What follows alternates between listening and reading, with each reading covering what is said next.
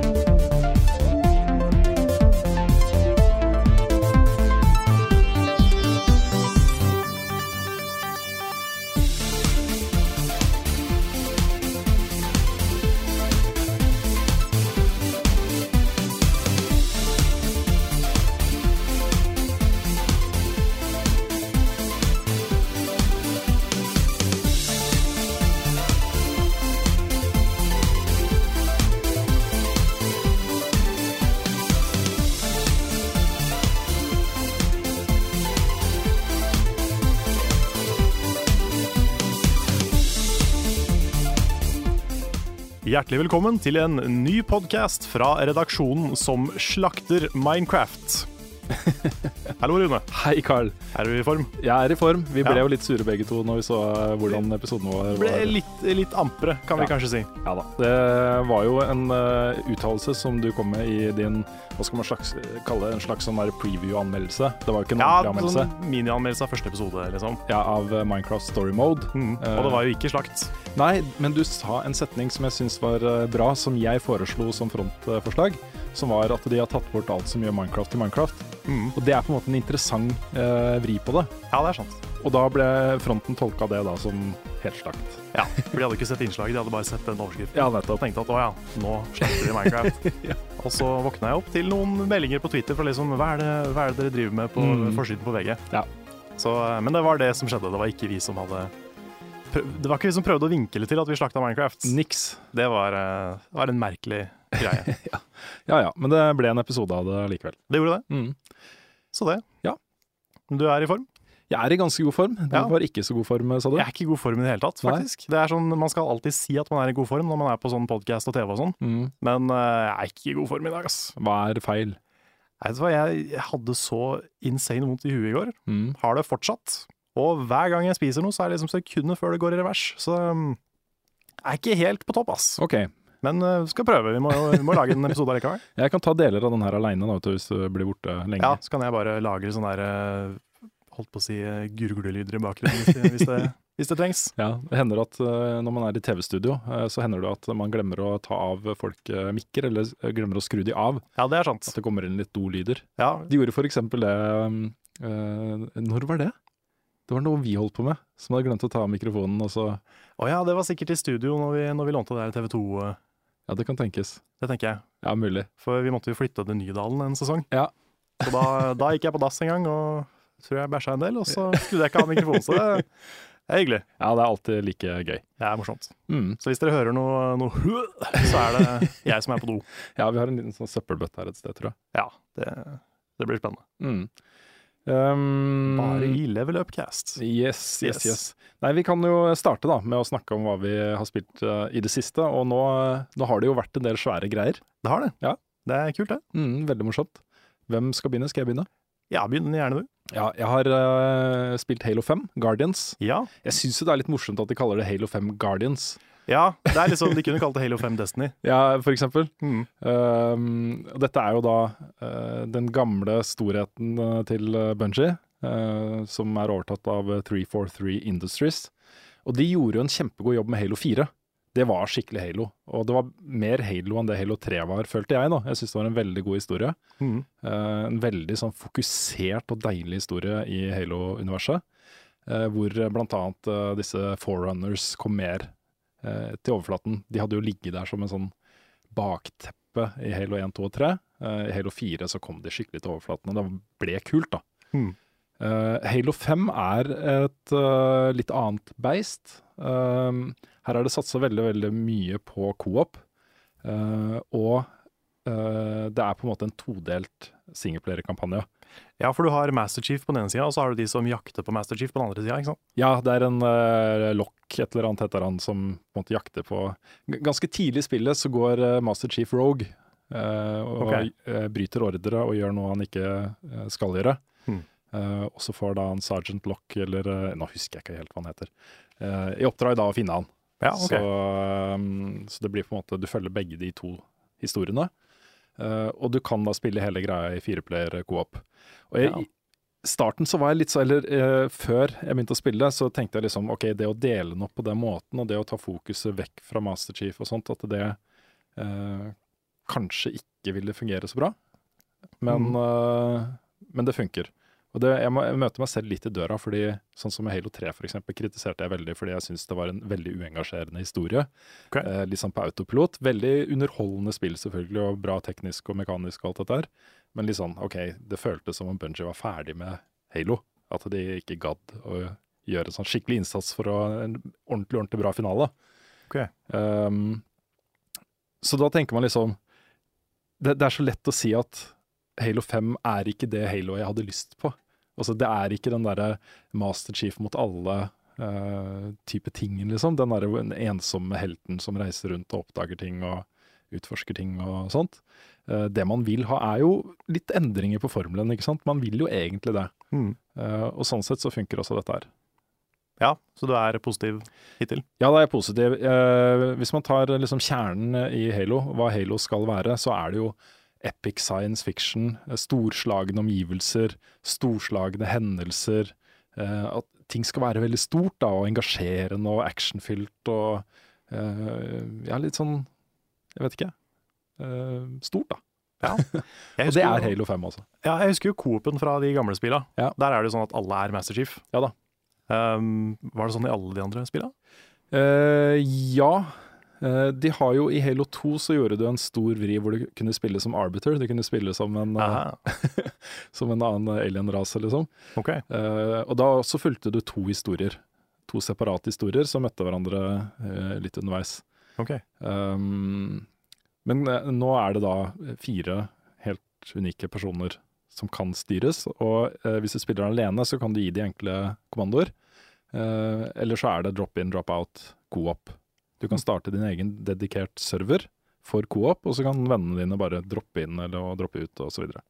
Ja. Det er ikke helt kurant eh, AI på, på disse folkene her når du spiller alene, altså. Er det ikke det? Nei, det er definitivt ikke det. Men eh, Ja, nei, det høres jo interessant ut. Ja da, det er det altså. En god historie eh, ut fra det jeg har sett så langt, og eh, veldig spennende og veldig underholdende. Um, det er ikke alt jeg liker med det, men jeg tenker at for meg så er først og fremst Halo en, en singleplayer-opplevelse. Um, og eh, ja. Ja. Det er digg. Det er digg. Mm. Vi kan jo fint gli over i sånn apropos singleplayer-opplevelse til eh, Assassin's Creed Syndicate, som er det første Assassin's Creed-spillet på lenge som ikke har multiplayer i det hele tatt. Og det har jeg spilt, da. Mm. Så eh, jeg kan jo si, eh, si litt om det. Jeg kommer til å si mye i anmeldelsen min på tirsdag. Men eh, jeg kan jo si såpass som at eh, Assassin's Creed-fans som har vært bekymra, trenger ikke å være så bekymra lenger. Ja, men det er hyggelig å høre. Ja, det er, dette er et bra spill. Mm. Og de har, de har gjort det ferdig, først og fremst. Og det er, det er en veldig sånn lettelse. Supert. Så, um, så ja, jeg har ikke runda det ennå. Nei. Men uh, ganske godt på vei. Mm. Og det, jeg er veldig fornøyd. Ja, men det er kult. Kul setting, uh, kule hovedpersoner. I det hele tatt. Føler du at eh, de er på en måte litt tilbake til på en måte det historiefokuset som drev de første spillene her, som, som gjorde deg på en måte investert i universet? Jeg håper det, Mm. fordi uh, de har, de har mer uh, modern day-historie nå enn de hadde i Unity, for Unity hadde jo ingenting. Mm. Men her er det noen cutscenes innimellom. Så jeg håper at de bygger opp til noe kult. Ja. For Hvis de gjør det, så, så er jeg tilbake på back on board. Ja, men det, så så hvis, det, hvis det skjer noe kult der i løpet av spillet, så er jeg veldig, veldig fornøyd. Mm. Og så er det en annen ting som jeg har eh, tenkt mye på når det gjelder eh, Syndicate. Eh, det er at i trailerne for dette spillet så har, eh, har hovedpersonene, for det er flere av dem, eh, fremstått som litt sånn derre eplekjekke, litt sånn Ja, barske, tøffe altså spesielt edgy. eh, Det er jo han der Jacob Fry. Ja. Han er jo super-cheesy. Ja. Eh, til tider på en morsom måte, til tider på en litt sånn eh. Eh, Så jeg er, ikke, jeg er ikke verdens største fan av han, Nei. nødvendigvis. Men samtidig så er hun Evie, søstera hans, veldig kul. Mm. Og hun eh, Jeg er jo en sånn som spiller Assassin's Creed eh, veldig stealthy. Så jeg spiller jo mest som henne. mm. Fordi han er mer den der eh, sparke opp døra og banke opp folk-typen. Ja. Mens hun er mer den der assassin-typen. da. Ja, så, spennende. um, Ja, så de har liksom litt, de har hver sin spillestil. da. Ja. Så det er jo eh, Jeg har snakka litt med Lars, han spiller jo mye mer sånn aggressivt enn det jeg gjør. Så um, ja, det, det, er, det er kult at de, at de tilrettelegger for begge typene. Mm. Det er sånn jeg har litt følelsen av at uh, Dishonored 2 også kommer til å bli. Det kan hvor nok hende. eh, du styrer både som eh, eh, Hva heter hun igjen, da? Hun du skulle, lille jenta du skulle redde i eneren. Ja, hva heter hun igjen? Hun, i hvert fall. Ja. Og som Korvo. eh, hvor de har hver sine sett med egenskaper. eh, og det vil påvirke hvordan du opplever spillet. Jeg syns det er en kul tanke. Definitivt. Eh, og så har jeg spilt, eh, ikke minst, siste episode av Life is Strange. Oi, oi, oi! Det har du snakka mye om i år, eh, Jeg har Karl. snakka mye om det spillet, Ja. og det er eh, ikke uten grunn. Det, det er jo litt delte meninger jeg har fått med meg, jeg skal ikke spoile noe, men, eh, men om slutten. Eh, Noen er veldig fornøyd, noen er mindre fornøyd. Men eh, jeg syns de, eh, jeg synes de gjorde det bra. Ja. Jeg er kjempefornøyd. Så kult. Så det, det kommer ikke en anmeldelse nå, men jeg skal prøve å lage noe til episoden etter der igjen. Hvor jeg oppsummerer liksom litt, eh, litt serien og i det hele tatt. Spennende. Så det blir eh, Jeg kan si såpass som at det havner på lista mi over beste spill i år. Ja, men det er kult. Jeg skal ikke si hvor og, og sånn, men eh, it's on there. Mm. Nei, I dag fikk vi også review-kopi av eh, The Park. Oi, gjorde du det? Så eh, prøv å få til en anmeldelse der også neste, Det må jeg gjøre. neste episode. Kult, kult. Det kom nå, liksom. For eh, noen minutter siden. Å ja. Så Her i Level Upcast er vi aktuelle, ah, s- brennaktuelle. rett og slett. Jepp. Jeg får dessverre ikke med meg Need for Speed til lansering, tro, ja, tror jeg. Ok. For de har et event i Stockholm Aha. hvor de som er der, får med seg spillet. Ah. Ja, Eh, selvfølgelig. ja, ikke sant. Så jeg spurte da eh, Jeg har liksom prøvd å få det til, fordi det, det er jo et spill jeg må ta. Eh, jeg prøvde å få til å dra dit, men fikk det ikke til. Og så spurte jeg liksom om er det mulig å få spillet sånn at man kan ha anmeldelse til embargo, som er tirsdag, altså neste tirsdag, ikke den som kommer. Mm. Um, Men det var liksom Svaret var at um, eh, utvikleren gjerne ville liksom presentere spillet for de som var der, da. Og det er, jeg syns det er så kjipt! Det er så- det er jo litt bullshit. Ja, det er altså, litt du skal, jo ikke, du skal jo ikke måtte høre på en, et foredrag før du kan anmelde et spill. Nei, fordi det, altså, d- da, da får man jo en helt annen opplevelse enn det eh, vanlige folk som går ut i butikken og kjøper Eh, det, får. Mm. Det er samme som de som sender sånne der lange sånne der review guides, Mm. sånne hefter. Ja. Sånn, eh, her er det og det, ikke spoil det og det. mm. Det er sånn Altså, de, de har spilt spill før. Vi har på en måte. spilt spill før. Det er fordi det er, det er så opplagt hva de prøver på, og det er jo på en måte å eh, utnytte den en, lille edgen de har, da, til å på en måte prøve å påvirke folks meninger og spill i riktig retning, ikke sant? Ja. Eh, og det er jo ikke alle det funker på. Det ville ikke funka på meg, f.eks. Det kan jeg i hvert fall sitte her og si, da. Mm. Eh, det føler jeg meg ganske sikker på. Ja, på meg så funker det veldig mot sin hensikt. Ja, Jeg blir bare eh, irritert. Men det er på en måte Ok, da, hvis det er funksjoner i dette spillet her som er kulere enn andre, og det er veldig sterkt fokus på det der borte i Stockholm til uka, så kan det hende at man sitter der med en mer positiv følelse uansett om man vil eller ikke. ikke sant? Mm. Eh, så ja, jeg syns ikke noe om det. Men jeg eh, respekterer for så vidt at de gjør det. For de skal jo selge spill, det er jo deres oppgave, på en måte. Ja, Men samtidig, da skjønner jeg ikke hvorfor ikke de vil sende oss en kopi. De tjener vel på at vi også anmelder det? Gjør de ikke det? Jo da, vi skal jo anmelde det. Men det blir Ja, men da sånn altså- til, til Ja. lanseringen. da. Jeg ville tro det, men eh, Who knows? Who knows? Nei, det er i hvert fall mange store spill på, på trappene nå, så, så det er jo gøy. Ja, det skjer mye nå. Det er jo nå fram til jul Mm. som eh, spillåret virkelig bare kjører opp i, eh, i topp, toppgir. Det gjør det. Nei, Vi får ta oss en uke eller to mot slutten av året og sette oss ned og spille ting. Ja. Jeg, har, jeg føler jeg har vært sånn halvveis flink til å få med meg mye av 2015. Og det har vært et så insane bra år. Mm. Eh, Men det er fortsatt en del jeg ikke har ikke spilt. Så Så kan det hende at det er noen andre i redaksjonen som trenger litt mer tid til ketsjup enn det, Nei, kanskje, kanskje. kanskje, uten å nevne navn. Uten å nevne det. Da er vi over på ukas nyhetssaker, og Rune, du har en eh, liste der, ser jeg. Det har jeg. Vi kan jo begynne med en rapport om at eh, Hideo Kojima slutta i Konami den 9. oktober. Stemmer. Og det var jo kjempefestlig, for det kom jo da en uttalelse fra Konami etterpå. Nei, nei, nei. Det, de, ble ferdig med, de ble ferdig med Metal Gear Solid 5, og da er det helt vanlig at teamet tar seg en lang ferie etterpå. Så Ja. han er på en lang ferie. Så Kojima er ikke, han er ikke ute av Konami, han bare er bare på en lang ferie. Ja, og det var jo kjempemorsomt, for det er en journalist da i eh, The New Yorker som heter Simon Parkin, som tvitra et bilde fra avskjedsfesten til Hideo Kojima etter at den eh, uttalelsen fra Konami kom. Ja. Så det er jo, det er jo kjempegøy. ja. Altså, det, de er jo verdens mest sånn inkompetente mafia, begynner jeg å føle nå. Jeg vet ikke, det må i hvert fall være noen der som, som ikke har eh, visst helt hva som har skjedd, som har sendt den uttalelsen. Jeg, jeg forstår liksom ikke helt den greia. Nei, jeg bare ser for meg at kontoret deres liksom konstant brenner. Ja. At det er sånn derre Å ja, det- printeren er tatt fyr, jeg vet ikke hva jeg skal gjøre. Men det, det går helt fint. Den, det funker fortsatt, altså. Ja, ja. Mm.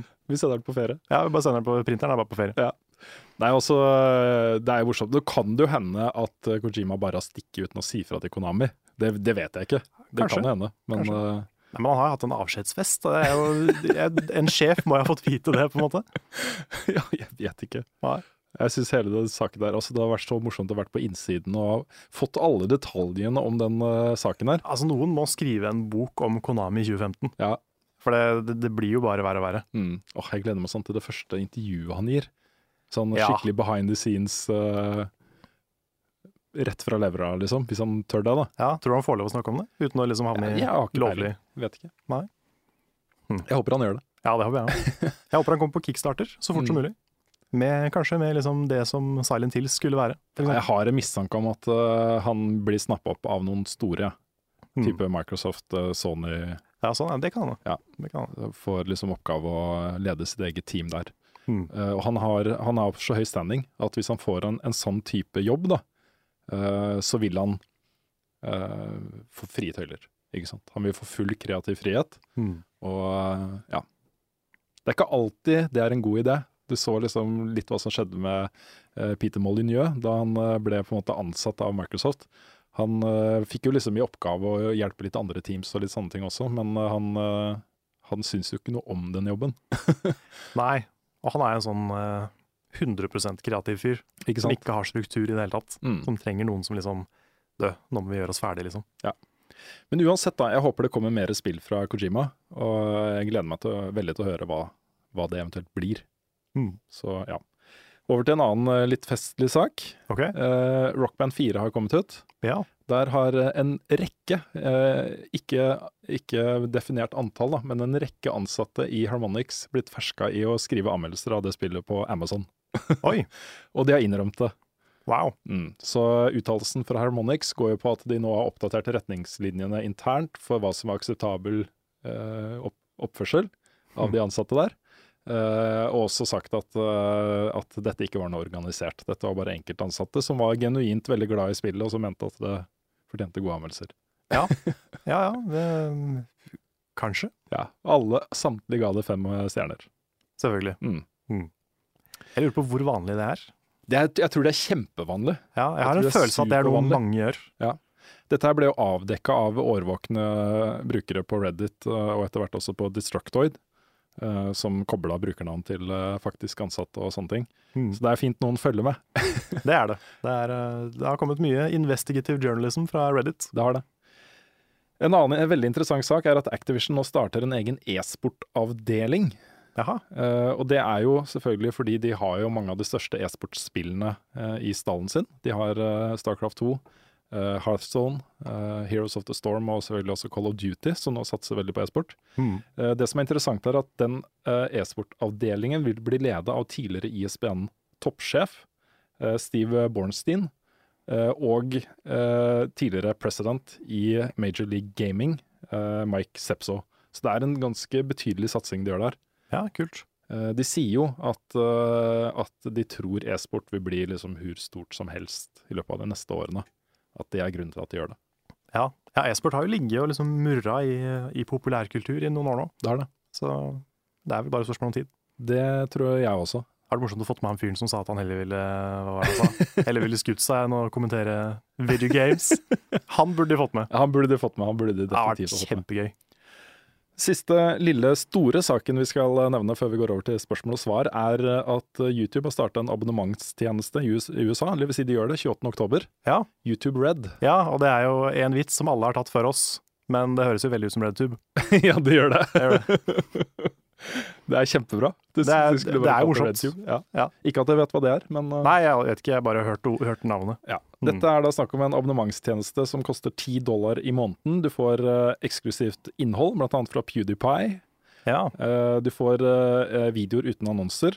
Eh, Du kan laste ned videoer fra YouTube, og du kan eh, se video offline. ja. Så det er basically et eh, abonnement, sånn type Netflix og HBO. Mm. Eh, Det store spørsmålet for min del er hva skjer med de som lager videoer? Ja, det er eh, et godt poeng, det. Ja, For det, det er det vel ikke noe info om ennå. Nei, altså det, det er vel snakk om en, en eh, De som er med på den abonnementstjenesten, eh, blir det snakk om en, en eh, Altså all eh, s- tittertid blir målt og registrert, og så får, eh, får eh, innholdsprodusenten en cut av inntektene. Ok. Eh, Så, så den biten er på en måte eh, jeg, jeg tror nok Google kommer godt ut av det. Det kan nok eh, godt hende. Ja, men eh, hvis det her blir svært, vet du, så blir det, det er så mye penger i omløp at det kan godt tenkes at dette er en god idé for særlig de store kanalene, Mm. som også kanskje kan forandre seg fram til gode eh, avtaler Ja. for å ha eget eksklusivt innhold der. Mm. Ja, det er jo kanskje potensielt verre for de små, type de norske også. Eh, Men det er, jo, det er jo mye som skal komme nå. Det har jo vært sånne donasjonssystemer, og det har vært noe type paid subscription, sånn som på Twitch. Det er mye det har vært snakk om, så jeg er spent på hva som kommer holdt på å si, først til Mm. Norge. Ja, For det er jo det er interessant for oss også. Vi driver jo mye med YouTube, vi gjør det. så eh, hadde vært greit å kunne gjøre det. Eh, ja, for det skjer jo ting i VG om dagen. som Det gjør er Interessant. Mm, definitivt. Eh, vi trenger ikke å gå i detalj på det, men eh, vi kan jo nevne da, Ja. at vi er jo litt bekymra for jobbene våre om dagen. Ja, for det er jo Det var jo på Dagsrevyen i går, var det ikke det? Jo da. Sånne Nedskjæringer i VG og diverse ting. Det var litt morsomt, der, for i går så satt jeg og stilte ned med andre ting og podkaster og klipping-ting og spilte Halo og sånne ting. Mm. Eh, og så har det da havna en del mailer i, i en sånn ny eh, postkasse på, eh, på Outlook, som vi bruker her, som heter Clutter. Og der var Ok. det jo sånne informasjonsbrev da, med innkallelse til møt, allmøte i auditoriet og, Oi og da. sånne ting. Så jeg hadde ikke fått med noe av det før jeg kom hjem, og da var det jo oppslag i Journalisten og alt mulig rart om at nå skal det kuttes voldsomt i VG. Oi. Så, så vi får se. Vi får se. Det er, altså, du har jobba i VG i er det 18 år, Eh, ja, det er 18 år. Eh, så ja.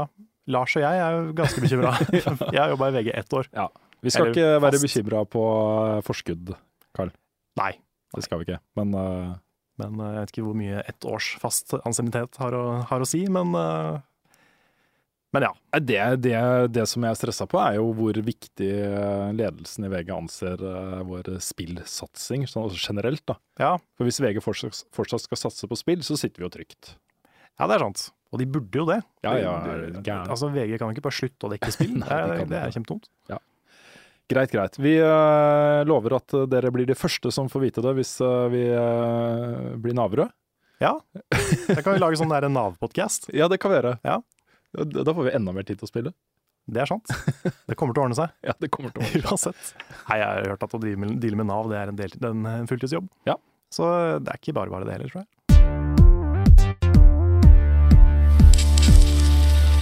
Vi skal svare på spørsmål fra dere som hører på, sånn som vi alltid gjør. Ja. Eh, håper at stemningen kommer litt, eh, litt opp da. Ja, at det blir litt mindre real og skummelt og, og sånn. Ja. Det- ja, vi prøver på det. Vi starter med et fra Kim A. Johansen. Eh, han sier eh, at han trenger vår hjelp.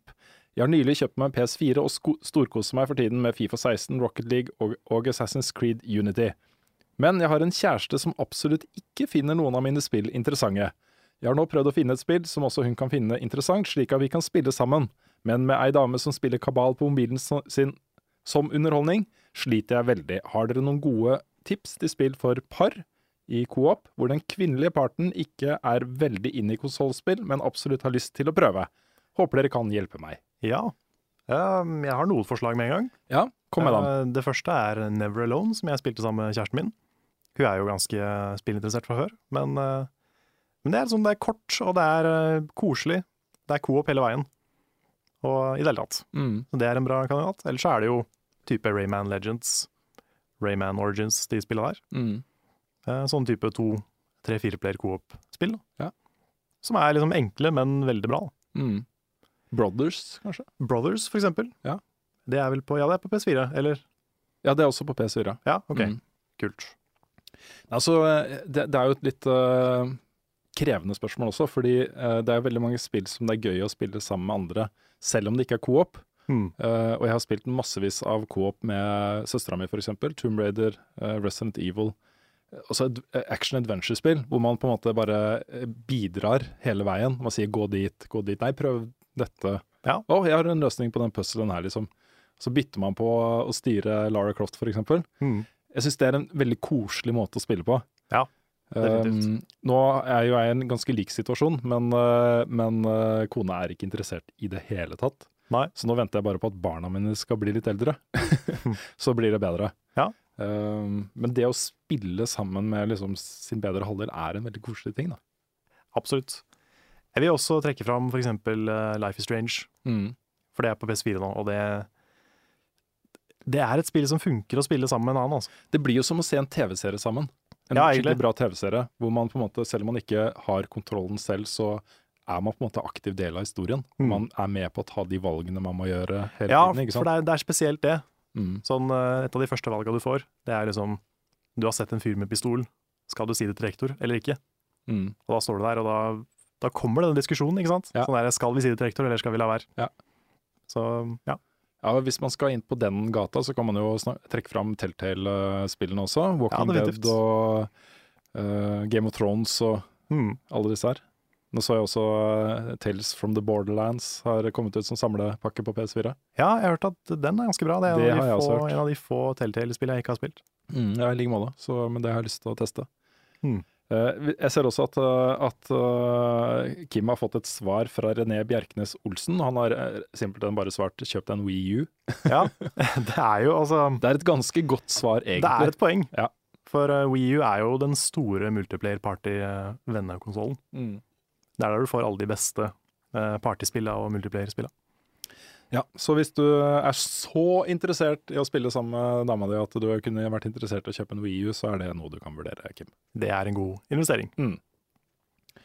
Eh, Remi, Remi Granheim lurer på om det var en ekte reaksjon da jeg, jeg tapte i duellen og skrek fine ord inn i puta. jeg lo så mye at jeg la den delen ut på Insta. Jeg skal ikke svare på det spørsmålet. Nei. Jeg skal snakke litt sånn generelt, fordi eh, måten vi spilte inn duellen på, det var jo Jeg kan i hvert fall med 100, 100 sikkerhet eh, si at alle duellene var helt 100 riktige og, og ekte, liksom. Ja, Duellene i seg selv. Sjølve duellene, ja. Det kan hende at vi har regissert litt rann utenfor. Ja, d- altså Vi har jo vi har det der uh, reality-konseptet Ja. som ligger rundt sjølve duellene, uh, og det er jo veldig regissert. Det, Ja, er ikke- det er ikke sånn at jeg ikke vil at Bjørn skal spille. Det er ikke sånn at liksom De tinga der, da. det er nesten litt spoiler å si det òg, da. Men eh, Nei, Ja, nei, men det er, er ikke det åpenbart, da? ja, jeg- for oss er det jo det, liksom. Ja. Men eh, vi har jo fått sånn Jeg husker jo i starten, eh, da vi begynte å jobbe sammen, så Ja, hadde ja, vi en sånn ja. greie første sesongen Stemmer hvor vi det. spilte roller. Mm. Hvor du var han litt sånn redde, eh, Han, han nye som bare vil imponere deg, liksom. Ja, og jeg var veldig streng og, og litt sånn småsint og kjip, da. Ja. Det var jo på en måte roller vi spilte som vi syntes var veldig morsomme, men vi fikk jo masse reaksjoner fra folk som lurte på hvorfor jeg var så slem mot Ja, deg. ja, og sånn. stemmer det. Så det, er, det var mye spesielt litt unge seere Ja. som bare 'Slutt å være så slem mot Carl, Rune. Ja, ja. Han gjør så godt han kan.' Så, Så ja. ja, det, det er noen år siden. Mm. Men vi tok jo alt her på sparket Mm. når vi spilte inn duellen. Det var jo ikke noe manus, vi hadde jo ikke bestemt oss for Nei. Det ting var på forhånd. Jeg tror det vi hadde planlagt på forhånd, var eh, vi får ha Sope som programleder, Mm. og så lager vi noen reality-greier ved Ja, siden av. Så ser vi hva som Og så skjer. skrudde vi på kameraet, så skjedde det. Ja, det er akkurat det det gjorde. Så um, det er jo en god blanding, spesielt de der sofa-confession-delene. Ja. Det er jo en god blanding av liksom ekte og Mm. regi. Det er det. Sånn som den der når Nick er sjeleglad for at han vant for deg, og var redd for at du skulle bli sinna på han. Det er jo helt ekte. Ja, det er det. Nick er jo fantastisk morsom når han er litt nervøs eh, på sånne ting. Ja, han er det. Og så må jeg også legge til at eh, den frykten for å tape duellen er høyst ekte. Ja, ja, ja. Og det, er, det føler vi begge to. eh, at eh, Oh, yes. den straffen der, det å stå og skulle holde et standup-show, er vel noe av det jævligste jeg kan forestille meg. Så, Mm. så jo. det, det er en reell frykt som ligger til bunn der, eh, uansett hvor regissert den scenen var eller ikke var. Ja, Mm. det er sant. Det er jo, Grunnkonseptet er jo veldig ekte. Definitivt. Eh, Knut Nei, Knut sier jeg. Kurt Arne Strømmen eh, sier at han har nylig kjøpt seg Broken Sword 5 på PS4 og er storfornøyd. Endelig en sånn type spill igjen, og, he- og det er virkelig en fryd for både øye og sjel. Har dere noen erfaringer eh, slash favoritter fra denne serien eller andre gamle point and- point and click-spill? Dere bør ta en titt på Broken Sword 5 og gi det en anmeldelse. Kommer ikke det ut gratis for PlayStation Plus-abonnenter? Eh, Det er mulig. Ja, jeg jeg er ikke helt sikker, jeg tror det. Ok. Nei, altså Broken Sword-serien er jo en av de eh, klassiske point and click-seriene. De har, den har pågått veldig lenge, og jeg har spilt mange av de spillene. Mm. Uh, syns eh, syns eh, hovedpersonene der er veldig sjarmerende. Veldig sånn lette å like. Og eh, historiene i de spillene har alltid vært gode. Jeg har ikke spilt femmeren. Nei.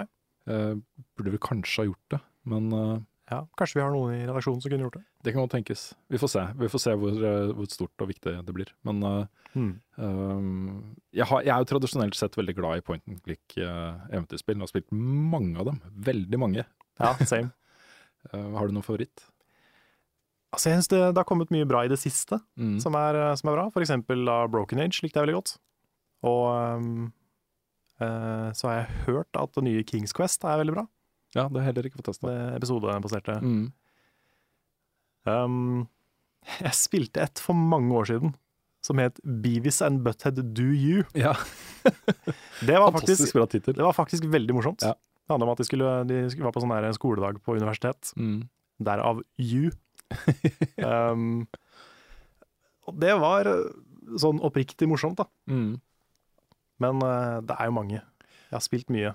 Eh, jeg, har jo vært, jeg har spilt litt Grim Fandango, for eksempel, Ja. Mm. som er eh, dritbra. Ja, det er helt fantastisk. Det var det jeg også skulle nevne. Det er kanskje mitt favoritt uh, point and click uh, adventure-spill. Ja. Tales to the Moon. Mer eller mindre. Ja, for da er det kanskje favoritten min. Um, ellers er Monkey Island, særlig Monkey Island 2, er jeg forferdelig glad i. Mm. Det kom jo så mange bra LucasArts-spill på den tida, så Sant? det var på en måte den gylne, gylne tidsalderen. Ja, det, det var det jeg kom på i farta. Eh, Mm. vi tar ukens eh, Trond Sinfor Borgersen-spørsmål. Ja, OK. Eh, Hvis dere fikk et valg om å lage et spill fra en bestemt tidsperiode, og fra en hendelse som har skjedd i virkeligheten og som står i historiebøkene, hva skulle spillet hete, og hvordan type spill hadde dere laget? Vi burde Oi. kanskje ha forberedt oss litt på den, Ja, Trond. den burde vi nok forberedt, for eh, der er jeg ganske blank. Eh, ja. Eh, det her blir bare helt vilkårlig, det første jeg tenker på. OK. Men, eh, men eh, Månelandingen, kanskje? Ja. det, det er jo kje- kjedelig. De bare kjører langt, og lander de. Ja, det kunne vært et sånn der eh, psykologisk dramaspill om månelandingen. Mm. Ja. Og hvordan den var faka, For eksempel. for eksempel. Ja, det skulle være faktisk historisk, da, men eh, Ja, ok, ok da. ja. Um, ja eh, Har det blitt laga Ja, det har jo det. Det har blitt laga mange spill om liksom the rise and fall of Roma. Mm. Det har vært mye RTS og sånn, er det ikke det? ja, det har vært mye RTS. Men eh, kanskje et liksom mer type adventure-spill, Mm. da. Ja. Rundt det. Kanskje. Kanskje det. Jeg ehm, I hvert fall i min ungdom så er jeg veldig veldig opptatt av liksom asteker-universet og Ja. Maya Ja, maya-astek. det hadde vært kult. Et eller annet der. Mm, For der er det også mye kult å ta tak i. det er det. Ja. Nei, ja, men den, den, nå ble jeg veldig sånn tankefull. Jeg også. Eh, neste gang, Trond, så etterlyser vi et litt lettere sva- spørsmål å svare på. Ja. Mhm. Fordi Sånn, eh, du er eh, flink til å stille oss spørsmål. Veldig, det er, det er høy, høy kvalitet på spørsmåla, og ikke alltid så høy kvalitet på svarene våre. Hvis vi kommer på noe underveis i eh, denne episoden, så kan vi komme tilbake til spørsmålet. Hadde du, hadde du spilt et spill om, eh, om Grunnloven 1814? er, det, er det noe der? Ja, kanskje det. Kanskje, hvis noen er flinke nok. Yes. Mathias eh, Kjølstad, eh, spørsmål til deg. Vet du, hva, vet, du som, vet du hva som har skjedd med Ole Palusa? Eh, ja, han eh, Det er en kompis av meg som jeg lagde mye videoer med før. Og han eh, har vel egentlig bare tatt en pause fra YouTube. Det er ikke mer dramatisk enn det. Han eh, fant ut at han ville gjøre noe annet. That's it. Ok. Jeg lurer på også om det kommer noe mer kosekveld. Jeg har snakka med Bjørn om det. Mm. Eh, hvis, eh, hvis, vi får, altså hvis, hvis jeg får mer tid å dedikere til YouTube eh, i fremtiden, så har jeg lyst til å ta opp Kosekveld igjen. Mm. Sånn som det er nå, så har jeg bare ikke tid, rett og slett. Og Bjørn også har lyst til å gjøre det. Det er bare det er tid som er problemet. Ja. Rett og slett. Godt svar. Jan Tore Sylten lurer på om standupen som taperen av duellen må gjøre, filmet, slik at vi som ikke er til stede, også får se den. Eh, og ja, det blir den. Det blir det. Den blir filma. Vi, eh, det har jo vært et viktig for oss at den straffen skal være så kjip som mulig. Og Mm, dette var noe vi ble enige om før vi starta innspillingen av duellene. det er sant. Men det er jo, eh, denne standupen skal jo holdes for et publikum som ikke er forberedt på det. Ja. Så selv om det har vært veldig gøy å invitere liksom level up-seerne, Mm. så er det litt mot sin hensikt, fordi da, da blir det mindre pinlig. Det kan hende at vi kanskje tilbyr eh, liksom type fem plasser eller noe sånt. Ja, i en form for kon- konkurranse, da. det, det går Kanskje. Vi får se. Mm. Vi har ikke gjort noen avtale med noen ennå. Eh, Nei. Vi vil liksom la duellen gå sitt løp til den er ferdig, og så finne ut hvor faktisk den skal eh, holdes, da. Mm, Men eh, det blir før jul en gang, et sted. det gjør det. Det er jo eh, begrensa episoder igjen av sesongen, og også begrensa episoder igjen av duellen. Eh, Martin André Radik spør er dere hypa for den nye Star Wars-filmen som kommer på kino i desember. Har selv allerede bestilt billett til premieredagen med salens beste plass, ha-ha! Hei. Ja, nå begynner jeg å bli hypa. Ja, Nå, nå som den nye traileren kom, og plakaten og Jeg, jeg, vil- jeg ville ikke se traileren. Jeg har ikke sett traileren. Nei, Nei jeg, jeg ville egentlig ikke se den heller, men så bare tenkte jeg ah, nå må jeg. Ja. Men faktisk så er den ganske god på å ikke spoile ting. Den Ja, det viser, har den ikke noe å viser kule ting, men den viser Ja. ikke liksom hva som skjer. Ja, men Jeg, vil- jeg vil se så lite som mulig. Jeg har vært, øh, men jeg har blitt mer hypa av den allikevel. Fordi jeg har jo hørt reaksjonene fra folk liksom, som Ja. sier at traileren Å, nå er jeg hypa, har de sagt Mm. etter å ha sett den. ikke sant? Ja, ja. Så det blir jo jeg litt mer hypa av, jeg også. Men jeg har, jeg har gleda meg til den filmen helt siden den ble annonsa. Mm. Det blir øh, rågøy. ja. Jeg håper den blir bra. Ja, jeg også. Altså, de, de, de kan jo ikke ha enda en dårlig triologi. Nei, jeg tror det, jeg, jeg tror det blir eh, bra, ja, altså. Men eh, nå er på en måte fallhøyden ganske stor, da. Og Mm. jeg tror eh, nok filmen Det er fare for at den, at den blir et lite antiklimaks for en del av fansen, altså. Det vil jeg tro. Men jeg Ja, er ikke kanskje. noen sånn hardbarka Star Wars-fan. Jeg er veldig glad i Star Wars, men jeg ligger ikke i kø for å skaffe meg billetter til premieren og sånne Nei, ting. der er ikke jeg heller. Men eh, jeg er veldig glad i filmene. Mm. Så ja. Same, same.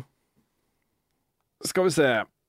Vi tar et eh, spørsmål fra eh, Mikkel Andreas Granerud. Eh, jeg bare lurte på om dere kommer til å anmelde Animal Crossing Amiibo Festival. Ut ifra den informasjonen Nintendo har sluppet, sluppet, virker det som om dette kan bli et friskt og litt nytenkende party slash board game. Hmm. Og board game er vel det man kaller brettspill på norsk. Et brettspill, ja. Ja. I et spill. Et Ja. digitalt brettspill. Nettopp. Mm. Vi kommer vel til å anmelde det, gjør vi ikke det? Jo, Du, du har jo eh, alle Amiiboene som har kommet ut noensinne Jeg har eh, Ever. sju amiboer, Rune Fjellhufsen. Eh, men eh, jeg har jo ikke noen av de Animal Crossing-amiboene. Jeg vet ikke om de har kommet ennå engang. jeg. Jeg har ikke peiling. Nei. Ehm, men eh, ja, det kommer mye nå, hvis det kommer før jul. Gjør det ikke det? Tror det gjør det. Jeg tror også det. Ehm, ja. Jeg er litt usikker på om jeg rekker det, for nå er det ting så å si hver uke framover. Men eh, vi må prøve å få anmeldt det òg. Mm. Det er litt sånn i gata med Mario Party, eh, så vidt jeg har skjønt. Eh, ja, så vidt jeg har skjønt også. Mm. Jeg kjenner jeg soner litt ut, jeg er ikke så interessert. Nei, jeg, jeg, er litt, jeg er litt nysgjerrig, men jeg har, ikke, jeg har ikke noe forhold til Animal Crossing som serie. Så kanskje hvis noen i redaksjonen har det, så kan de ta en titt på det. Eh, vi har fått mange spørsmål fra mange mennesker, blant annet et fra oss- en som allerede har eh, fått spørsmålet sitt stilt, Martin André Radek. Eh, Ok. Han skriver eh, Spillekspo nærmer seg med stormskritt, så jeg lurer på når dere kommer til å være der, og eventuelt hva opplegget deres er. Ja, ja, det er ikke lenge til. det er ikke lenge til. Det er veldig nærme, faktisk. Ja. Sånn, eh, vi, vi skal være der, og vi skal vel sannsynligvis være der eh, store deler av helgen. Ja, Tipper det er i hvert fall fredag og lørdag. Ja, ja lørdagen er vel kanskje den største dagen eh, Ja. der. Det er det. Da skal Lars og jeg også på Hvis, ikke- hvis ikke det blir flytta, så skal Lars og jeg på scenen faktisk på lørdag. Nettopp. Når, Og- Mm. eh, på dagen. Siste jeg hørte, var klokka to. Det er litt sånn eh, signing og kanskje litt eh, utdeling av ting. Ja. Så, eh, så det skjer i hvert fall.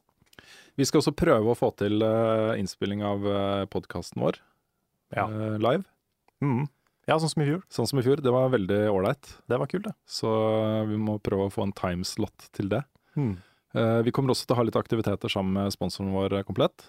Eh, om det blir eh, live Let's Play eller uh, podkasten vår eller eh, streaming av et eller annet, det, Mhm. det vet vi ikke helt ennå. Men eh, det skal skje.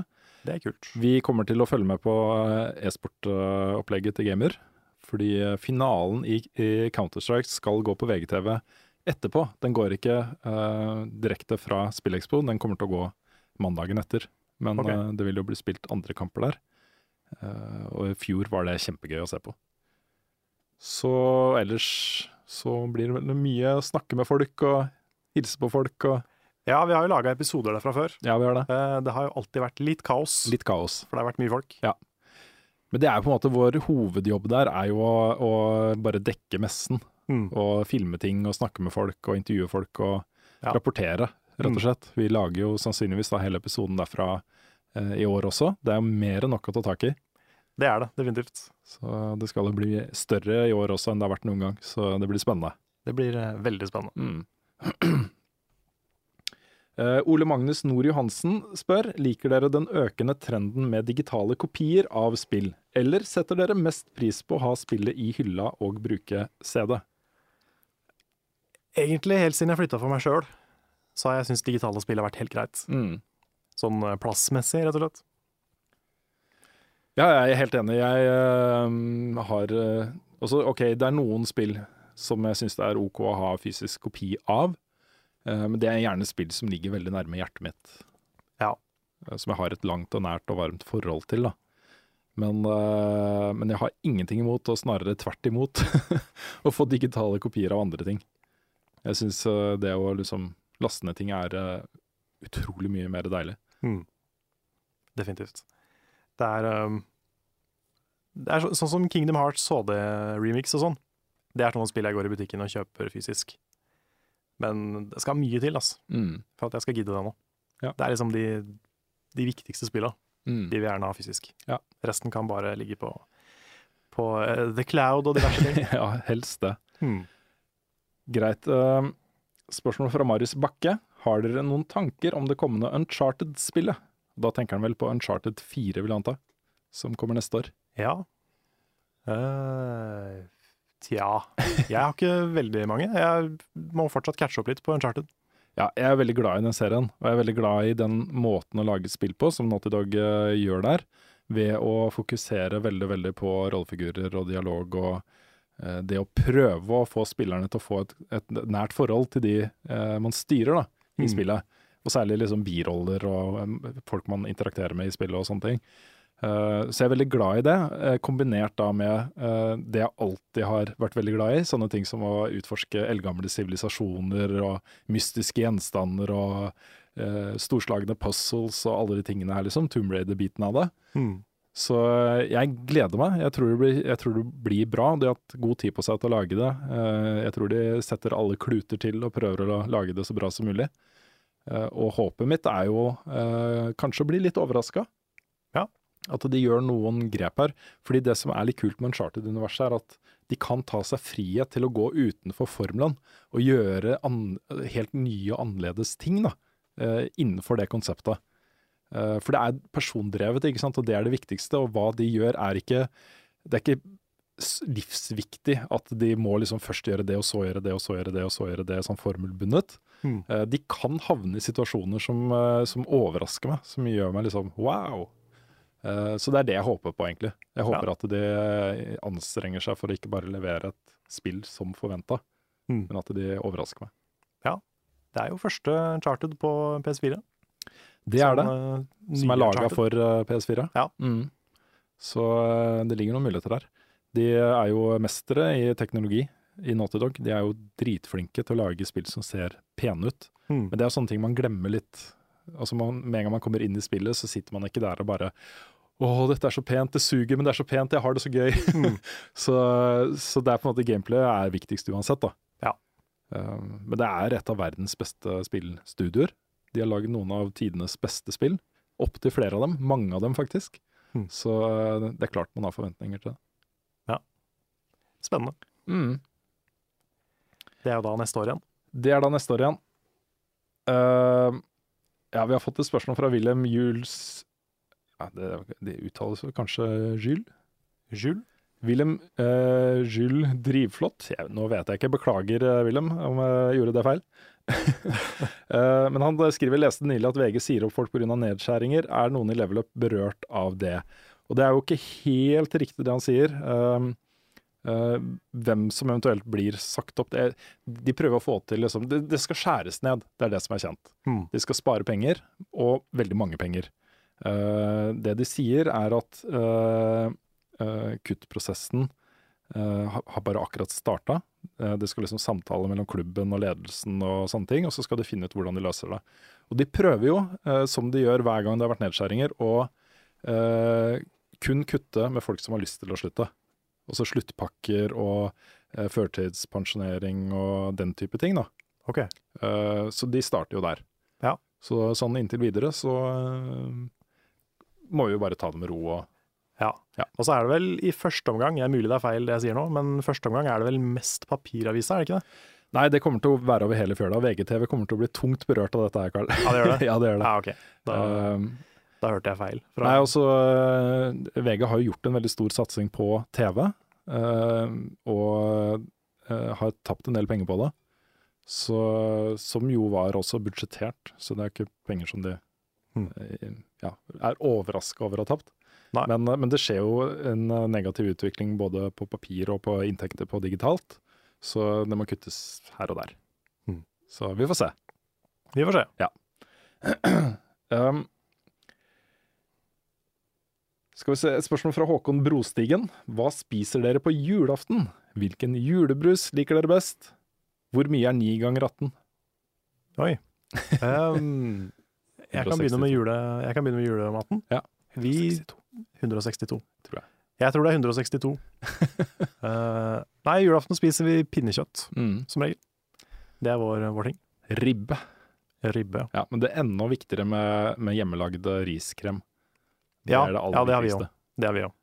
Så eh, Med nå som, mandel. nå som jeg har, ja, nå som jeg har, sånn egen, jeg har egen familie og egen julaften og sånne ting, så er det, det, det er mitt ansvar. Jeg, jeg må, Ja. må lage riskrem, og det er så mye som mulig. Åh, nå fikk jeg lyst til å gå hjem og lage riskrem, faktisk. Kanskje Ja. jeg skal gjøre det? Så du lager riskrem, og du er julenissen, eller? Hysj. Eh, julenissen fins, mener jeg. Nei, jeg har vært jule, julenissen to år Ja, ok. nå, og det er kjempegøy. Det er noe av det morsomste jeg Ja, har det vært med kan jeg på. se for meg. Ja, det er utrolig gøy, altså. Det er sånn, det er kanskje verdt å få barn bare for å få lov av julenissen. Ja, det er faktisk. Ja. Hmm.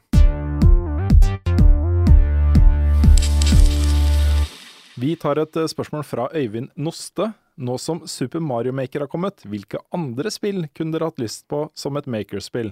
Hva tror dere kunne ha fungert, og hva hadde vært gøy å ha? Megaman Maker? Zelda Maker? Det var et veldig bra spørsmål. Et kjempebra spørsmål. Jeg kjente at jeg ble liksom sånn Ja, det, Begynte å klø i sånne det var sånn der, kreative fingre med en gang. ja, sånn der bli gira-spørsmål. Ja, det var Ja. det. Eh, ja, i hvert fall Megaman og Zelda, det var det første jeg tenkte på. Så nå sa han det. Eh, Metroid Maker. Metroid Maker, ikke minst. Det hadde vært eh, dritkult. Hmm.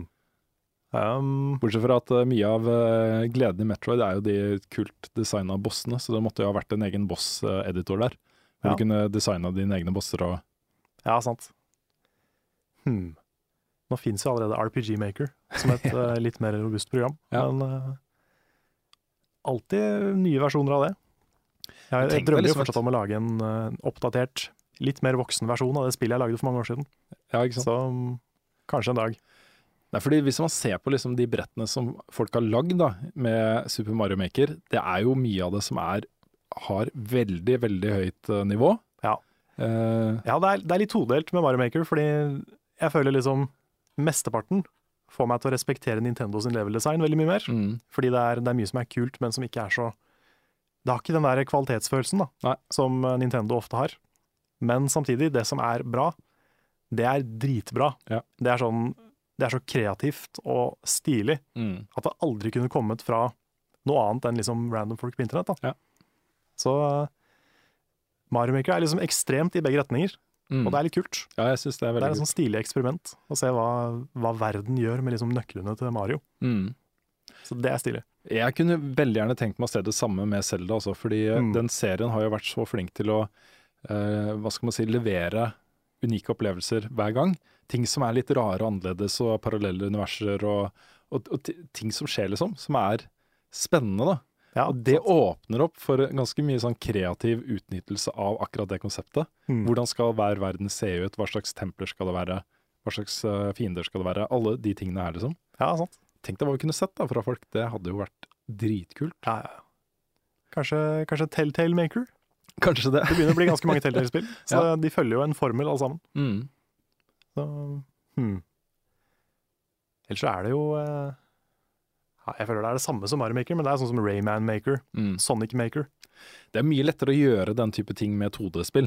Ja, Det er ja, jo ikke ja. noe tvil om det. det er, Det er hvis sant. noen skal begynne å bevege seg både til, selv så i is isometrisk 3D, som de gamle Zelda-spillene f.eks., Hmm. så, så blir ting så komplisert. Det er sånn. sant. Så kanskje alt som er 2D. Ja, det er definitivt mye lettere med alt som er 2D. Ja. Jeg tror du, du kan få til isometrisk eh, 3D, altså.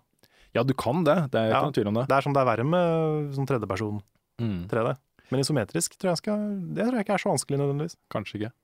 Det som hadde vært eh, morsomt hvis det kom et Selda Maker-spill, eh, hadde jo vært hvis man kunne samarbeide om Ja. eh, ting. Og så ha et collaborative eh, spill, da. Mm. Og at det var kanskje ikke så mange begrensninger på hvor langt det spillet kunne være og sånne ting. Ja, sant. Ja, det er mye, mye muligheter. Det er det.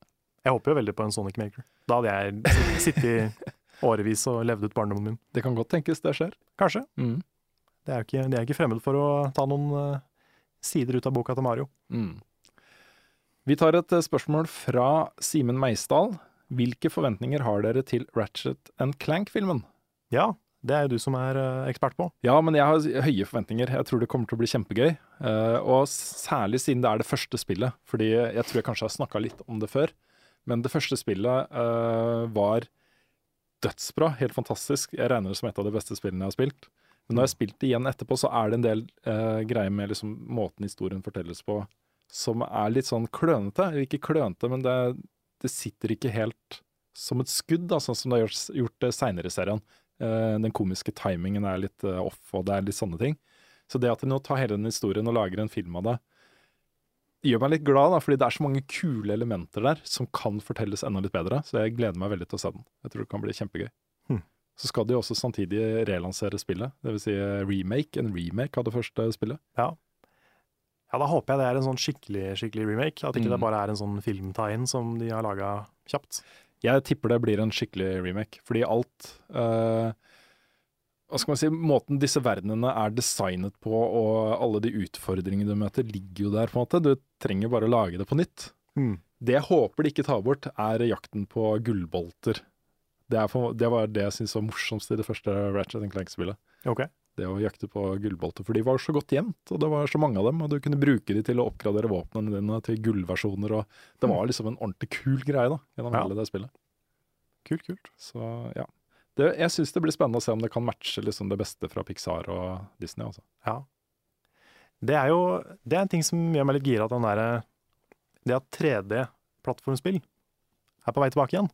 For de har vært borte ganske lenge, sånn, eh, i hvert fall hvis du ser bort fra det som kom på PS3 og PS2. Ehm, så nå kommer jo ukulele, nå kommer dette her. Eh, og det der At In Time kommer, som er liksom inspirert av type GameCube, eh, Nintendo 64-perioden. da. Det, det er kult, altså. Ja. Det gleder jeg meg til. Morsomt. Niklas Sevland lurer på hva vi syns om subscription-bokser type Loot Crate og OneUp-boks. Det har vi muligens svart på før. Har vi det? Ja, mulig hvis ikke jeg blander med noe annet. Jeg tror kanskje blant annet. Jeg kan ikke- ikke huske å ha svart på det. Nei, ok. Ehm, nei, altså nå er jeg litt sånn som liker å vite hva jeg kjøper. Ja. Det er ikke sånn, jeg setter ikke pris på alt gammelt ræl, på en måte. Men eh, det er jo mye kult i de boksene, så vidt jeg har skjønt. Ja, det er mye kult, men det er, jeg er helt lik som deg. Jeg kunne aldri finne på å gjøre noe sånt. Jeg Hadde, 90 av det vi hadde fått tilsendt, hadde havna i en eller annen eske et eller annet sted. Eller enda verre, bare blitt berot, som jeg ikke får rydda bort. Og Mm. det hadde bare hopa seg opp. Ja. Så eh, nei takk. Nei, det er noe med det. Det er, sånn, det, det er jo Jeg føler at jeg, har, at jeg har fått med meg ganske mange nerdeting. Mm. Men hvis jeg bare får liksom merch fra ting jeg ikke har sett, så er jo det litt sånn surt. Mm. Eh, vi nærmer oss til slutten, men et spørsmål fra Vegard Bjelland eh, Hult. Eh, foretrekker dere førsteperson eller tredjeperson i Star Wars Battlefront, og hva ville dere ha valgt hvis det var mulig å velge i flere spill, som f.eks. Call of Duty, Battlefield og andre shootere? Nå har ikke jeg spilt Star Wars Battlefront. Nei. Ehm, men det er et, akkurat det er et godt eksempel også, fordi, eh, fordi jeg har spilt veldig mange Star Wars-spill opp igjennom. Og de fleste av de har vært i tredjeperson. Ok.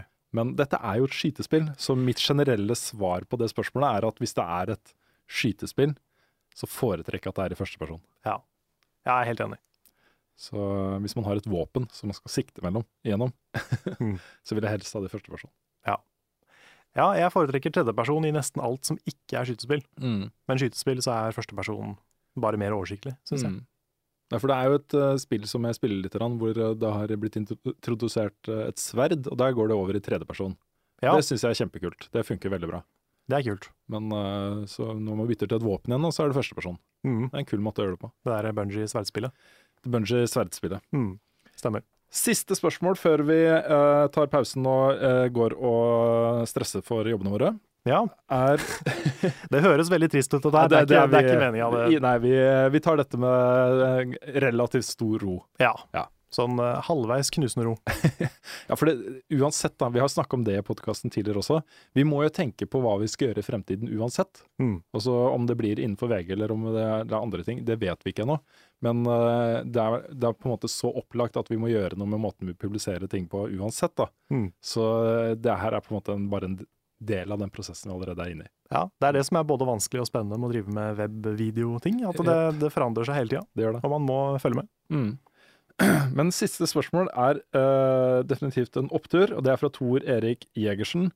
Hvilket spill og TV-serie er deres favoritt gjennom tidene? Dette har vi jo svart på før, men det er jo på en måte mulig det er kommet noen nye lyttere, Ja, det er mulig det har kommet noen nye favoritter, altså. ikke sant? Og kanskje de som har, all- allerede har hørt oss svare på det, har glemt det. Kanskje det, til og med. Ja, Så vi kan svare på det, Ja, altså Jeg forventer at folk husker hvert eneste ord vi sier i podkasten. Altså. ikke sant? Mm. Mm. Har du lyst til å begynne? Skal vi begynne med spill da, kanskje? Skal vi begynne med spill? Ja. Eh, Jeg har i alle år sagt Final Fantasy 9 og Earthbound, Eh, men nå, eh, as of for noen uker siden, så er det Final Fantasy 9, Earthbound og Undertale. Jeg syns det er eh, kult at et spill liksom havner der allerede nå. Ja. Du er ikke litt stressa på at, eh, at kanskje eh, når det får roa seg litt ned, at Nei, faktisk ikke. Nei. For jeg merker den der, den der holdt på å si, kjærligheten for det spillet. mm, Den kommer til å vare, liksom. Ja. Den, den har satt seg. mm. Så ja. Det, det spillet er så høyt oppe, Ja. faktisk. ja, Kult. Jeg eh, må jo også si flere spill, fordi det er u- umulig å ha ett favorittspill. Ehm, hvis man skal ha ett favoritts- favorittspill, så vil det svaret endre seg fra gang til gang. Så jeg må ta noen. Mm. Eh, jeg må ha med Shadow of the Colossus. Of course. Eh, jeg må ha med Metal Gear Solid. Eh, og jeg må ha med Half-Life. Og når jeg sier Half-Life, så pleier jeg liksom bare å si Half-Life-serien. Ja. Inkluderer Half-Life 1 og 2. Det samme gjelder Metal Gear. da. Mm. Inkluderer eh, 1 og 2-eren og 3-eren. da, Liksom. Ja, sånn, ja. ja. Eh, men så har du på den andre siden, eh, så er jeg fryktelig glad i multiplayerspill. Eh, og der må jeg nok eh, trekke fram særlig Quake 3. Mm. Som jeg har spilt og spilt og spilt og spilt og var på en måte Det er kanskje det eneste eh, hva skal man si, multiplayer-skytespillet som jeg føler jeg har mestra. Jeg ble aldri eh, blant de beste liksom, i det spillet, men jeg ble såpass god at jeg kunne grisebanke ganske mange. Og det føltes skikkelig godt. Mm. ja, for det er det som er så Det er det som er så spennende akkurat nå, føler jeg. Det er at eh, det er så mange forskjellige spill som snakker til så forskjellige deler av liksom deg som spiller, da. Du har jo, eh, sånn som i fjor, var det umulig å velge om jeg skulle kåre Dark Souls 2 eller Child of Light til Game of the Year. ja. Kunne ikke vært mer forskjellig. Nei, det er helt sant. Og det er, så, det er sånn De betyr så forskjellige ting også, Mm. for meg. Ja. Og det blir samme i år, men liksom Bloodborne har jeg, sp- jeg har spilt fem ganger, Mm. og det kom ut i år. Ja. Det er jo insane. Ja, det er insane. Og, men samtidig, liksom, er det det som har betydd mest for meg i år? Det er jo ja, ikke det. Skal du sette det opp mot Undertale? Ja, ikke sant? Du Det- nevnte ikke Bloodborne som et av de beste spillene du har spilt noen gang, så jeg Nei. aner, aner hvilket av de to som havner eh, øverst på din eh, Ja, det, du Av- kan jo av ta de det som to. et visst hint. et visst hint. Et visst hint, men, eh, men ja. Det er liksom Hvert år så er det sånn her Skal man, skal man høre på den der eh, erkegamer-gameplay-delen, Mm. sånn som Bloodborne er? Eller skal man liksom følge følelsene sine? Ja, jeg, da pleier jeg bare å følge følelsene mine. Det, jeg ser Men den. vi har vært i mange sånne diskusjoner. Jeg husker vi hadde en, eh, et år hvor vi diskuterte Stanley Parable, Ja, ja. som eh, vi begge to var utrolig forelska i. Mm. Eh, og da hadde vi ganske lange diskusjoner om det burde toppe listene våre. Ja, for ikke da sant? lagde vi bare én felles liste, ja gjorde vi ikke for, det? Det, det året? er et veldig bra eksempel. Fordi jeg hadde jo mye sterkere følelser egentlig for Stanley Parable enn for The Last of Us, som vi Mm. kåra til årets spill. Ja. Men det var vanskelig å sette det over The Last of Us likevel. Ja, jeg syns det. Så det er ikke så lett.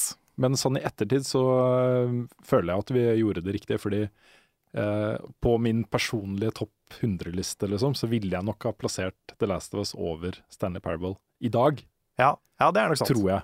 Ja. Så øh, ja, det kan være lurt å bare prøve å løfte blikket noen ganger. Mm. Men TV-serie da, Karl? TV-serie, Det beste er jo TV-serie. ikke noe mindre lett å kåre én vinner der. Nei, for nå er det jo den der nye gullalderen for TV-serier som går i eh, beste velgående fortsatt. Eh, Jeg må jo sette Game of Thrones veldig høyt. Eh, Jeg tror den beste TV-serien ehm, Jeg tror det må bli eh, Neon Genesis eh, Evangelion. Det er jo en eh, anime, men eh, den er dritbra. Ja. Så jeg tror det må bli den, altså. Mm. Jeg har sett så mye bra TV-serier. Mm. Det er bare helt sjukt. Jeg, ehm, jeg sliter litt med å rangere de mot hverandre også. Fordi ehm, Hvis man setter liksom Breaking Bad opp mot The Wire, opp mot Sopranos, opp mot Six Feet Under, opp mot Twin Peaks, så er det liksom Det er så jevnt, da. De Mm. er på en måte jevngode. De er like bra på hver sin måte, på en måte. Ja. Men jeg, jeg, jeg tror kanskje at øhm, den serien som jeg både liker best og respekterer mest for de grepene den tar, er nok The Wire. Og det er litt kjedelig svar, fordi det er litt sånn flinkis eh, svar. Men eh, den serien også jeg, jeg er så imponert over det de fikk til der, for den er så ekte. Mm. Uten at den er det, på en måte. Ok. Eh, det er dette du får av en autentisitet når du har liksom folk som kommer fra Baltimore, som kjenner liksom alle de politiske tingene veldig godt. eh, som kjenner liksom eh, skyggesiden av den byen. Og, og så går inn i materien liksom i dybden for hver sesong på hvert sitt tema. da. Eh, jeg, jeg bare, den, den var, den traff meg så godt. Og kanskje også fordi jeg jobber i et eh, mediehus. Mm. Eh, fordi veldig mye av det som på en måte er tematikken her, er jo det som gravejournalister da, eh, avdekker, ikke sant? Mm. Så man følte virkelig at man kom liksom bak kulissene på eh, en ekte situasjon, da. en ekte by med ekte mennesker. Eh, og så var den de grepene, de tekniske grepene med at det ikke var noe musikk, ehm, at det var liksom veldig reality feel over det, syns jeg fungerte bare helt vanvittig bra. Ja, apropos veldig ekte, så må jeg jo trekke fram eh, The Leftovers. Og jeg nå trodde du skulle si Paradise Hotel. Å ja, ja. Eh, nei, det er ikke fullt så høyt oppe. men, eh, men The Leftovers, det er en sånn serie hvor jeg sitter med klump i halsen hver eneste episode. Samtidig som den er veldig mystisk, veldig sånn lost-mystisk. Ja. Den er også veldig høyt oppe. Det, den er ikke ferdig ennå, så jeg vet ikke åssen den blir. Men eh, den er utrolig sånn spennende, Veldig. veldig ekte, veldig fin. da. Jeg klarte ikke helt å komme inn i den, men jeg skal gi den en sjanse til. Ja, den, eh, det tar litt tid, men jeg syns den tredje episoden, det er der det Ja, den var veldig bra. mm, Det var det. Jeg, Ja, men- det, jeg har bare sett tre episoder. Ja, sånn. med han Så den var pastoren. ikke så bra, eller den var så bra at jeg egentlig burde ha fortsatt å, fortsatt å se på det, men eh, det ble bare ikke noe av. Nei, for det var den første som jeg liksom bare satt der med frysninger og bare shit. Ja, det var en kul episode. Mm. Dette her er big shit. Eh, ellers er jo den serien som fikk meg hekta på TV-serier, det var Buffy. Buffy the Vampire Slayer. Buffy, ja. Ja. Smallville var min første, Ok. men den tror jeg ikke holdt seg så bra. Sånn, eh, Nei, Jeg har sett Buffy igjen. Det er, eh, det er jo Joss Sweden. Ja. Og eh, det er på en måte det er mye rart i den eh, serien. Men eh, det er på en måte kjernen i den serien er jo eh, dialogen og eh, rollefigurene og disse tingene her, liksom.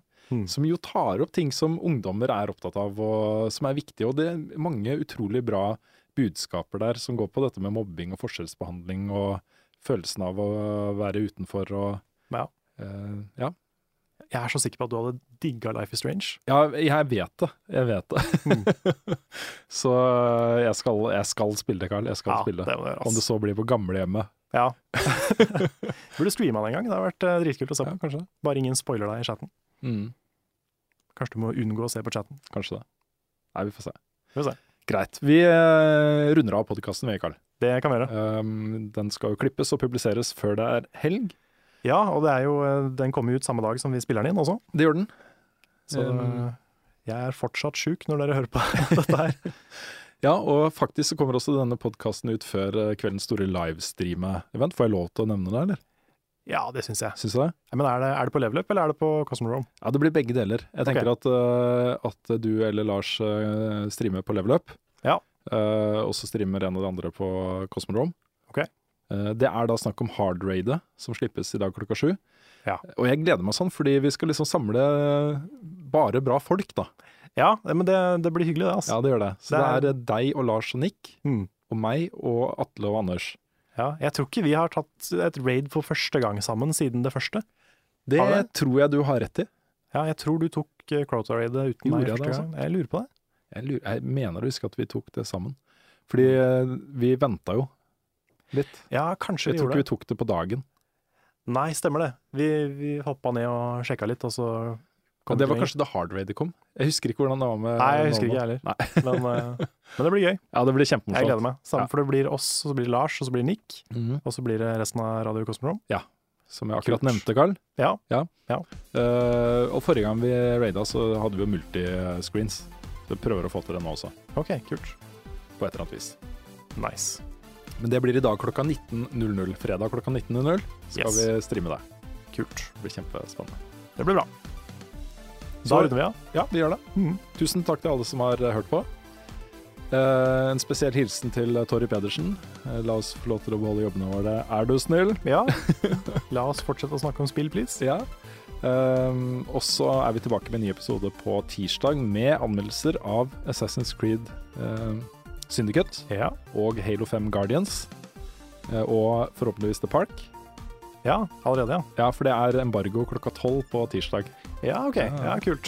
Det lanseres også på tirsdag, Riktig. så vi må fatte det. Det vil jeg høre på. Vi høres igjen eh, også i Radio Kosmodrome neste uke. Og så ses vi på Twitch og Facebook og YouTube og Det er ikke måte på. Nei, ha det bra. Ha det bra.